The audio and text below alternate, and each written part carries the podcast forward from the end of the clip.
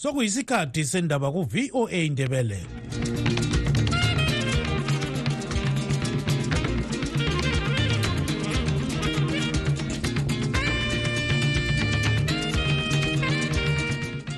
lami ngibonge utshanono gawande obesipha indaba ngolimi lwesishona.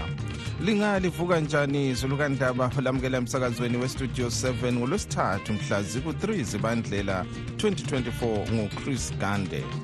Endabeni zethu lamhlanje. Umkhokheli webandla lezabu umnumzana sibangilizwe nkomo uthi ibandla lakhe alivumelani lokuthi uhlelo lokulungisisa udaba lwegugurawundi lukhokhelwe zinduna.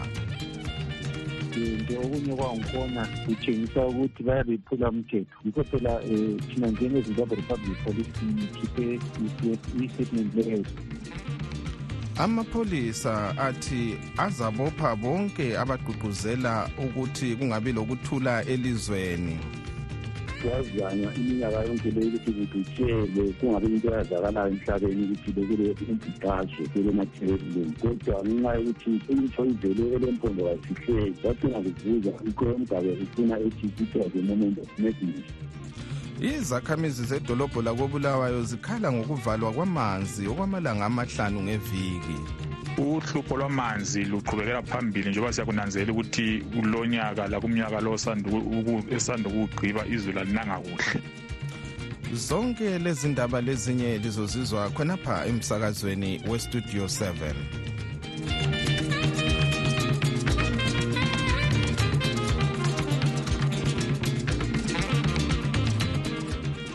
amapholisa athi lanxa kulokuthula elizweni kulabanye abaqoqa ukuvukela uhulumende behaza ebulenjini imilayezo yalokhu. Ngalokhu amapholisa athi azabopha bonke abafuna ukudala udlakela. Embikweni owethulwe enkundleni zokuxhumana amapholisa athi ngumlando wawo ukubona ukuthi kulokuthula elizweni. Akhuthaze uzulu ukuthi azihambele emsebenzini njengensuku zonke engethuki ngoba amapholisa ezenza umsebenzi wawo. Sixoxe lesikhulumeli samapholisa umnumzana paul nyathi saqala ukumbuza ukuthi amapholisa alobufakazi na bokuthi kulabantu kumbe inhlanganiso ezifuna ukwenza ubudlwangudlwangu elizweni? Into okunye kwangkhona kutshengisa ukuthi bayabephula umthetho. Yikho phela um thina njengezimbabwe republic police sikhiphe i-statement leyo sitshela uzulu ukuthi kulokuthula um njalo ngaba lomuntu um othi yena ufuna ukwenza um lokhu and lokhu akwenzayo kuse amandleni amandleni esipholisa ukuthi um waphinde umthetho sikwenza njalo. Kodwa bona bukhona yini ubufakazi bokuthi bakhona abalenjongo yona leyo ngaphandle kwalabo abaloba ebulenjini be-internet? Thina njengezimbabwe republic police imiyo esiyitholayo ivela endaweni eziningi so akwenzi ukuthi sitshele uzulu ukuthi imiyo siyayithola njani. Njalo thina umsebenzi wethu kumele sithembise uzulu ukuthi nxa besenza izinto ezitshiyeneyo amapholisa akhona ukuthi izinto zihambe kuhle. Manje bakhona yini eselike ababotshiweyo phezu kwembiko ephuma ebulenjini? Singabopha abantu sizalitshela. Okwakathesi akula ababotshiweyo kodwa nxa lina likhangele ayisobantu abaphongukuxhwala nje ababhalayo kumbe kukhona okungakwenzakala kumabandla awezombusazwe ayiwaqoqa lokho thina njengezimbabwe republic police siyahlala siyenza ama-inquiries sihlala siyenza ama-investigations nxa kulo ukuthi kulomuntu ophula mthetho sizababopha kasoze ziyekele lo-ke ngumnumzana paul nyathi isikhulumeli samapholisa. Ubekhuluma ecingweni lestudio 7 eseharare.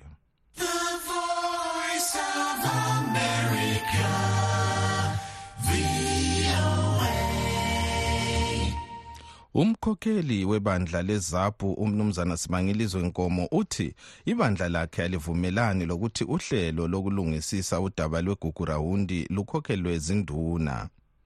Uthi izabu kumele iphatheke kulolu hlelo ngoba abantu abaningi ababulawa ngesikhathi salombhuqazwe babengabasekeli baleli bandla umholi wezinduna umnumzana mchane khumalo utshele istudio 7 ngeviki edluleyo ukuthi bazaqala ukukhulumisana lenkulungwane zabantu ezathintwa igugurawundi emathebheleland kusikhatshana esilandelayo. Kodwa uthe intatheli zindaba zisoze zivunyelwe kulimhlangano okusolwe ngunkomo labalwela amalungelo kazulu. Unkomo uchasisela istudio 7 kabanzi ngalolu daba. Kwazanywa iminyaka yonke leyo ukuthi kugitshelwe kungabe into eyazakalayo emhlabeni ukuthi bekule genocide umbhidazwe kule matheleland kwazanywa ukuthi bekubani kodwa ngenxa yokuthi into ivele elempondo kayifihleki kwacina kuvuza ikho umgabe ifuna ethi it was a moment of madness. Lokho kuhlanya-ke okutsho umgabe ukuthi kwakuyisikhathi sokuhlanya buya phambili kulokuthi kuxoliswe kwaziswe officially ukuthi kule nto enjalo eyenzakalayo hhayi kuyehlula. Sokubuya-ke leyo programu edalwe ngumnankagwa uyiqhubile-ke into yakhe umnankagwa wayefikisa lapha esikhona khona khathesi ukuthi ethume izinduna ukuthi ziyokhuluma labantu. Um kuyisimanga ntungameli ngoba lezo zinduna zilanda abantu ezazibakhokhela ngesikhathi bezulawa lezo zinduna zake zabotshwa ngesikhathi egugula wendi lezo zinduna zibulewe ezinye zakhona ezinye zanyamalala uthuma njani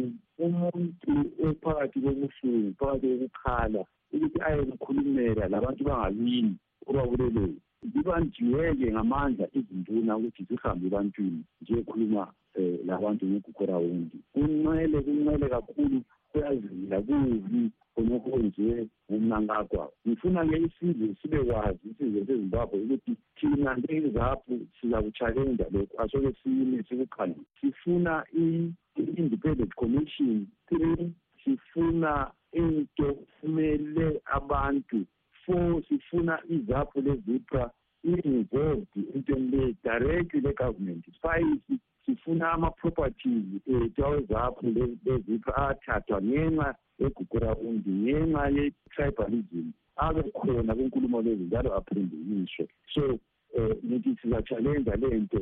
Liza kutshalenja njani baba unkomo?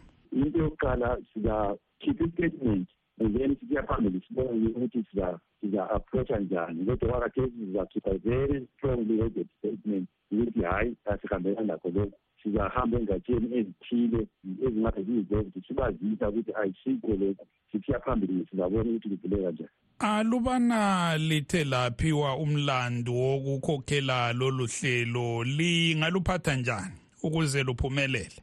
Kuqala ngokukhulumisana. Into enkulu ukukhulumisana zaphulohulumende kulento ezithile nkomo ezesintwini ezingenziwanga ilizwe leli ngelesintwini kulento ezithile okumele ziqale khonapho kukhulumiswa lumlota ngendlela yesintu se-afrika yezimbabwe. Bese kusiya phambili um ngaso kuvulekile into evalileyo yonke lapha into kubulewa abantu igazi leli liyakhuluma igazi liyakhala livela phansi. Ake ebhayibhilini watsho lwana unkulunkulu watsho ukuthi igazi lika-abeli liyakhala livela phansi lisiya kukhayini so into ephilayo le. Abantu abafileyo emagazi abo ayakhala. Nxa kungasayenziwa ngaleso sintu into yokuqala kumele kwenziwe isintu emagazi lamathambo abantu lawa athi nxa kusina izulu aphumele egcekeni. Avimba yonke into.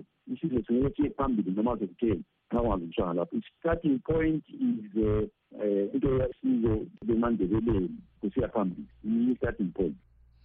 Lo-ke ngumnumzana sibangilizwe nkomo umkhokheli webandla lezaphu ubexoxa icingweni lestudio 7 ekobulawayo.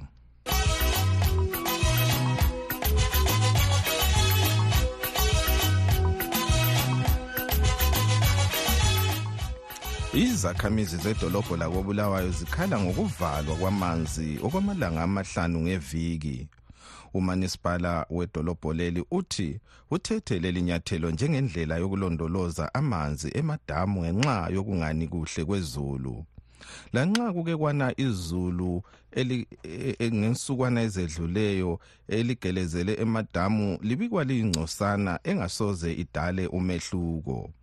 Sixoxe lesiphathamandla senhlanganiso yezakhamizi eyebulawayo progressive residents association umnumzana thembelani dube.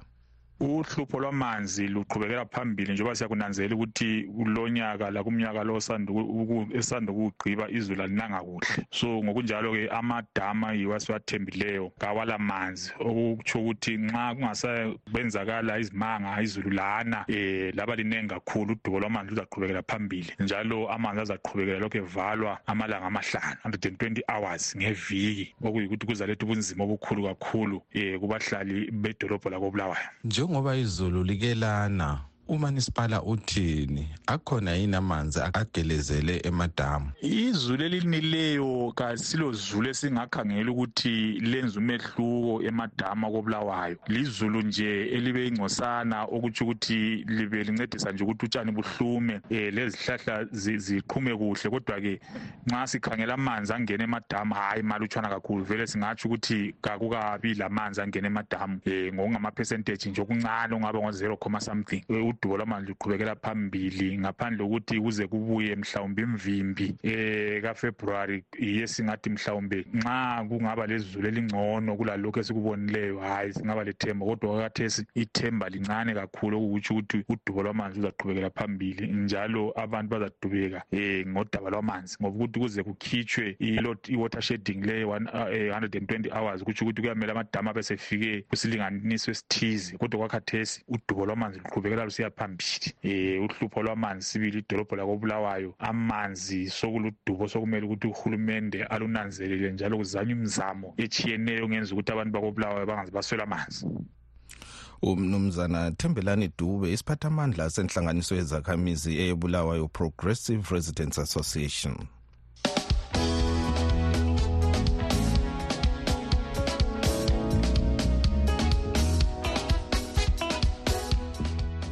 Ukhetho olusanda kwedlula lube lempumela engemukelwanga ngumkhokheli webandla le-ccc umnumzana nelson chamisa. Iningi lisele lizibuza ukuba kusaloncedo na lokuvota ngenxa yokuthi impumela iyaba ingayamukelwa yibo bonke abancintisayo? Sixoxe locubungula ezombusazwe umnumzana mqondobanzi magonya ukuze sizwe imbono yakhe ngalolu daba. Eh ngileqinisa lokuthi abaningi sizavumelana ukuthi umnyaka lo esivela kuwo ube ngumnyaka omubi kakhulu eh, kweze-politics. Ube ngumnyaka eh, obulele eh, amathemba ebantwini. Abantu abaningi bebekhangelela ukuthi izanu p f izadliwa. Ukhetho lube khona. Eh kube sokusiba-ke lohulumende omutsha ozakwenza ukuthi izizalwana zezimbabwe zonke zingaphandle zizizwe ziledlabuzane lokuthi bebuyele ekhaya um bekwakha izwe labo. Njengoba kwenzeka khonokhu ngo-1980 abafowethu ababesemazweni baphindele ekhaya besithi bazokwakha ilizwe labo kodwa-ke bahlangana lembila zithutha iningi labo. So-ke izifundo ezibakhona gande um kweze-politics nxa sibheke umnyaka wona lesivela kiwo ziningi kakhulu kodwa-ke ngizakuthi nje ezimbalwa kanti ezintathu so isifundo sakuqala um ngisiqondisa ebantwini bemathebeleland um ngesokuthi ngilethemba sokusegcekeni ukuthi akudingakali ukuthi bevotele amabandla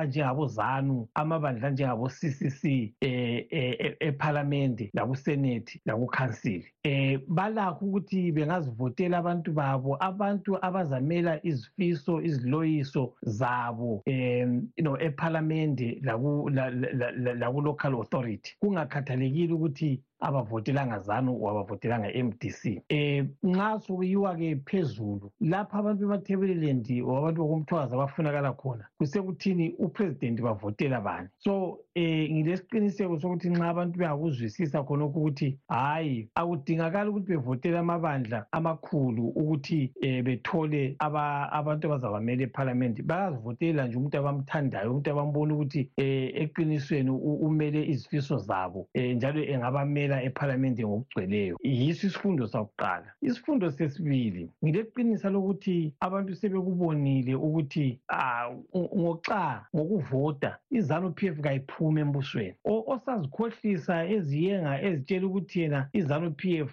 izaphuma embusweni ikhitshwa ivoti akahamba alalo bukabhuka sibili ngoba ubufakazi obukhona ukuthi akula voti ezakhipha izanu-p f. Manje nxa sikhangela yena wonalo umnyaka esesiwusungulile ubona ungani kungaba lobubelo na?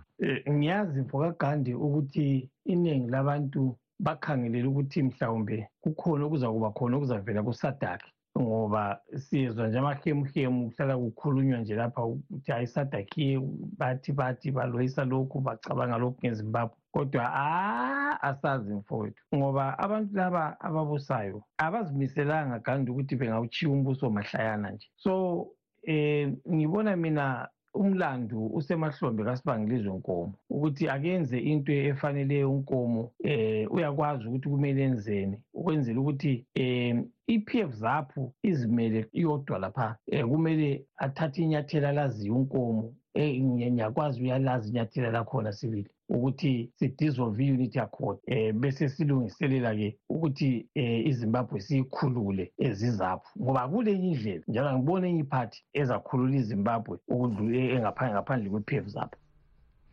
lo-ke ngumnumzana mqondobanzi magonya ocubungula ezombusazwe obekhuluma ecingweni le-studio 7 esebhilitane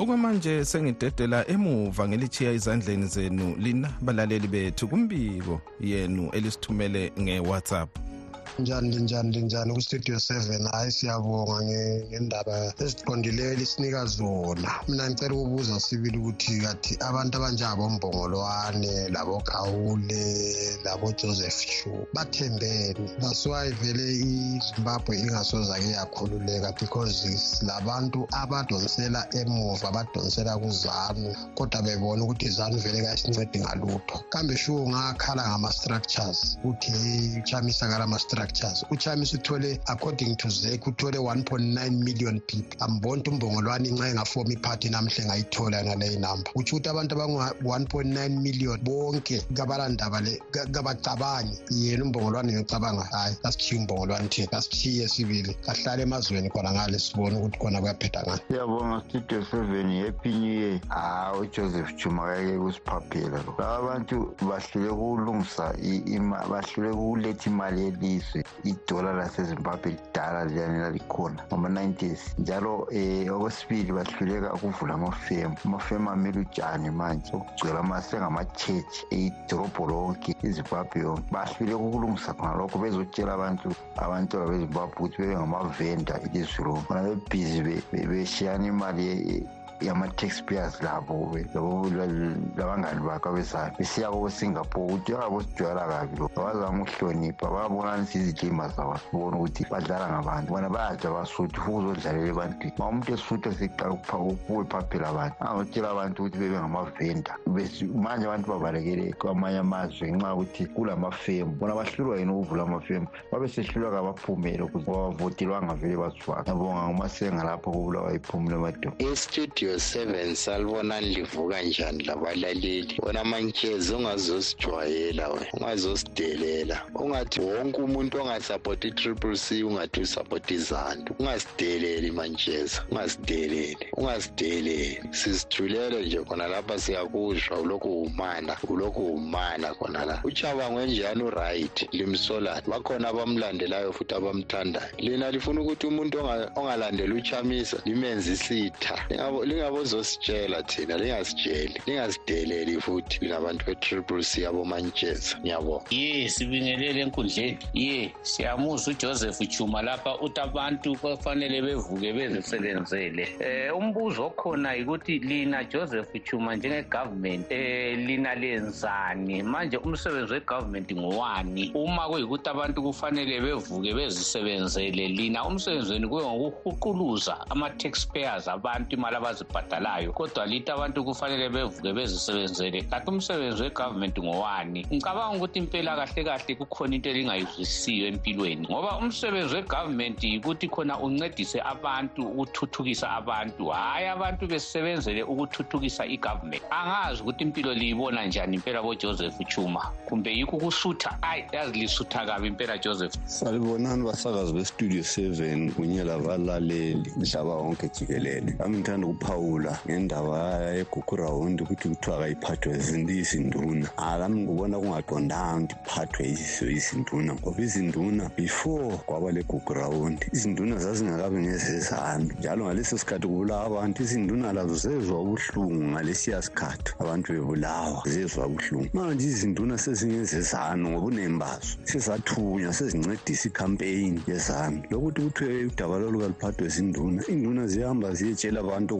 okokwenza zihamba ziyexolisa zona ebantwini. Zithi ningaqali ukukhuluma ngakho lokhu sokwadlula. Yilangweji ezaba yilangweji ezinduna kula lokhu ukuthi kuthiwa izinduna zizahamba ziyelalela abantu hhayi izinduna ziyahamba ziyetshela abantu okokwenza ngakho lolu daba ngithi kalungaphathwa izinduna ngoba izinduna sezaba ngezezanu. Ngiyabonga. Hayi abantu bakithi bengethuki impela bengethuki ngoba umnotho lapha abantu abayi-two hundred vela ngeke bewuqeda abantu bezana ah wehlula ama-british lama-german bagubha bagubha kodwa abenzanga so vele bona kumbe ama-ministers kufanele ukuthi badle imhlukuphe umnotho vele ayikubeni but abantu kufanele bebe lekhaliphi ngoni awezwa umuntu esindebeleni ukhala ngochinese umuntu ukhala ngomnangakho why? Why? Hmm? why? It's not abantu abahlakaniphileyo abathi ilizwe lizobusa ngamashona hayi isizwe siyabe kwenzakala kuphi umhlaba? Wona abafuna ukuthi kwenzakale ezimbabwe. No no no. It's not like that bantu bakithi wonke umuntu engakhona ukuba um salibonani basakazi bakastudio seven ngali njani lonke hayi mna ngiyaphila. Hayi nandi ukudana kancane. Ukuthi ibandla le-zanu p f libandla lokubulala ilizwe kumbe libandla lokuthuthukisa ilizwe. Kakhulu mbuze amandebela akithi la u-obedi mpofu ugawula labojoseph chuma ukuthi yinto yini esayixotshela abelungu leyi ukuthi izimbabwe ibe phuwa so emathebelendi akulinywa akwenziwani kodwa liyethatha amachayina liwalethe khonapho. Amachayina akulalutho alwenzayo akula development ayenzayo ebantwini. Akukwazi ukulima akulandawo ukuthi akuyalima amachayina amachayina awayo yikuvuthuza ilizwe lezimbabwe lenze ubhuqu. Um ekhela abantu ngothuli bayakhala abantu kubowange kubofolosi khonale ngendaba zamachayina abelungu abazange bekwenze lokhu. Abelungu bekukhona into yonke. Sisidla belima ifiding yenkomo ikhona ukudla kwezinja kukhona. Akulanto kebingekho kodwa nanku selihambe lathatha amachayina la aletha lapho ukuthi amachayina lawo ayenzani? Ngalo le ngqondo ngaliyacabanga ngaselixotsha wona la machayina lizibisele labelungu belima emaplazini akulalutho khasamlazi akula yindlala izidumbu ezizaphuma lapho ezimbabwe zizesabeka ngendlala kodwa izanu p f ikhangele ibhekile. Ibiza amachayina abangani bayo studio seven studio seven. Nami ngiyabingelela igama ngujacob umlalazi ngisuka ebinga endaweni yasesikomena. Thanda ukuthi happy new year kubasakazi bami bonke abasathulela izindaba imihla namalanga. Bonge laphana nomthwakazi ngokusimela um ngendaba zamapassport. Siyabonga kakhulu ngenxa yokuthi ezweni lakithi koma kusiya phambili kanti-ke ma sokukhuphuka futhi amapassport khombisa ukuthi abafowethu abaningi abanganamapassport ngeke baphinde bebe nawo. Siyabonga laphana. Salibonani salibonani salibonani lonke. Lingabe linjani? Ngithanda ukubingelela wonke amafodwana amahle wonke ilupani yonke jikelele yonke. Angikhethi mhlo angikhethi muntu ukuthi ubani ngibingelela wonke amafodwana studio seven studio seven ngibingelele kustudio ngibingelela ngila lase-south africa. Le ndaba le yenziwa ngamaphoyisa le yokuvimba amaphathi la amancane le nto le imbi kabi into ebuhlungu kakhulu le ngoba vele izanu yavela yayetelelwa kuseselomgabe so abantu bengayivumeli izanu kahle bengayivumeli impela and ukuthi laba abantu laba amaphathi la amanye aphikisayo like o-triple c lomthakazi republic kufanele bephikisane nayo izanu until izanu ize iyenze into efunwa ngabantu. Hhayi ukuthi yona salibonani salibonani kustudio seven. Salibonani njani happy new year happy new year. Hayi funeke sokucela sicela ukuthi amakhehla ezanu la engabe kukhuluma umuntu angayaziyo. Bona uma besutha kumbe abantu abama besebenza khona ngapha epalamende abathole ukuthi izimbabwe bona khuluma ukuthi ezanu la imisebenzi khona bengakhona izimbabwe ngoba wonke umuntu osezimbabwe ezimbabwe ngaphandle kwelizwe manje. Lesezimbabwe eshinozisebenzela izandla.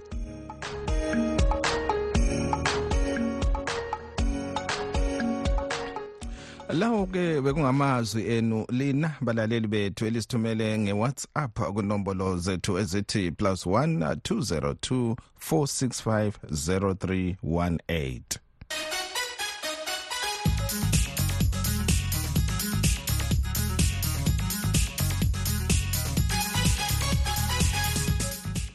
kwezemelika udaba lokuthi owayengumongameli welemelika umnumzana donald trump asuswe kuluhlu lwabazavotelwa kwezinye izabelo.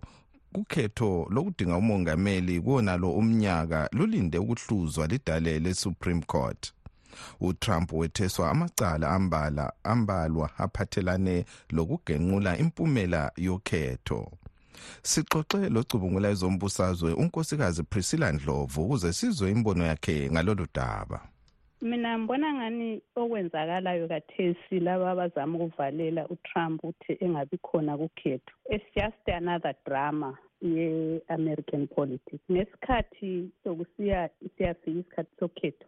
Utrump uzabe sekhona ku-ballot box ngoba bangakwenza lokhu abafuna ukukwenza uzaba ngumsindo kuphinde kulole abantu laba abathi utrump uh, uyivictim eh, abantu bayamzonda babe baningi abakukhangela ngaleyo ndlela. Ngibona ngani mina emakhoti aphezulu azakuthi utrump avotele? Ngoba besabani ukuthi bangabi create enye into kumbe babumbe olunye ulutho oluzaba ngumgoqo kusasa. Uh, ukuthi ama-elections nxa omunye angacabanga ukuthi amise omunye amise then i-issue ka-trump becomes a benchmark or ukuthi hhayi kwake kwenzakala lokhu ngenxa yokuthi utrump wake wamisa. Lokhwana yikuphonga ukudlala nje ngezinto zalapha. Izinto zalapha njengoba sidivele zihlala ziphakathi.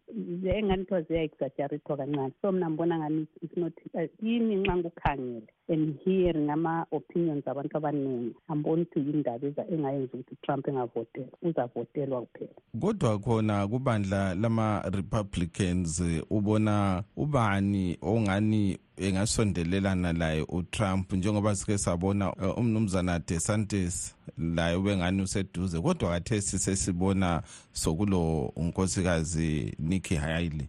Ungathini wena ngalo uh, mna ngibona ngani laba bayazama abakuzamayo konke obaqambayo.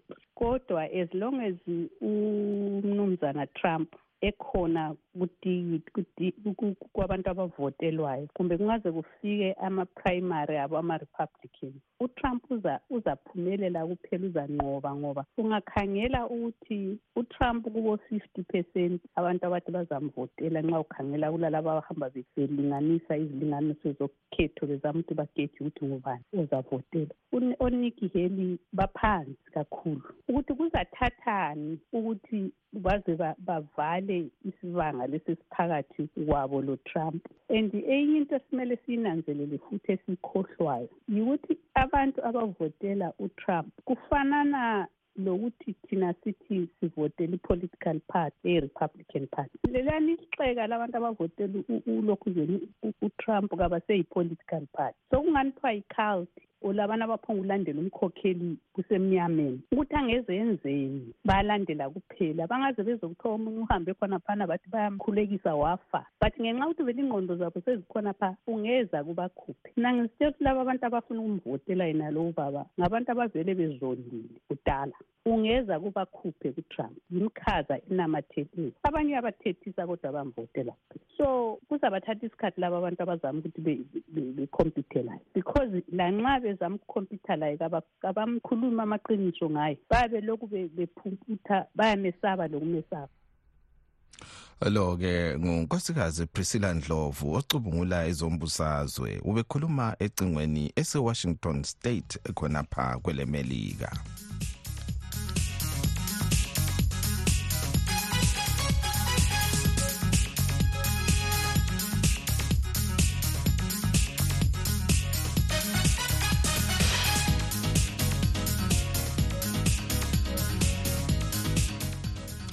isikhathi kasisavumi ukuba siqhubeke sisonke kodwa singakehlukani ke sikhangele ezinye zenhloko zendaba ebezikhokhela.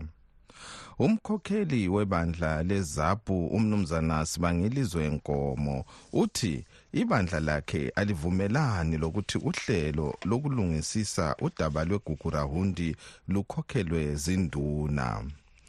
Njengoba ngitshilo isikhathi kasisavumi uba siqhubeke sisonke kodwa abangenelisanga ukuzwa indaba zethu silazo ebulenjini kuwebsite yethu ethi yona www voa com. Silazo indaba nsuku zonke kusukela ngomvulo kusiya ngolwesihlanu ekuseni kodwa ezantambama kusihlwa silazo nsuku zonke ngo 7 ngo-half past 7 suku zonke. Igama nguchris gande sidibaneni njalo kusasa.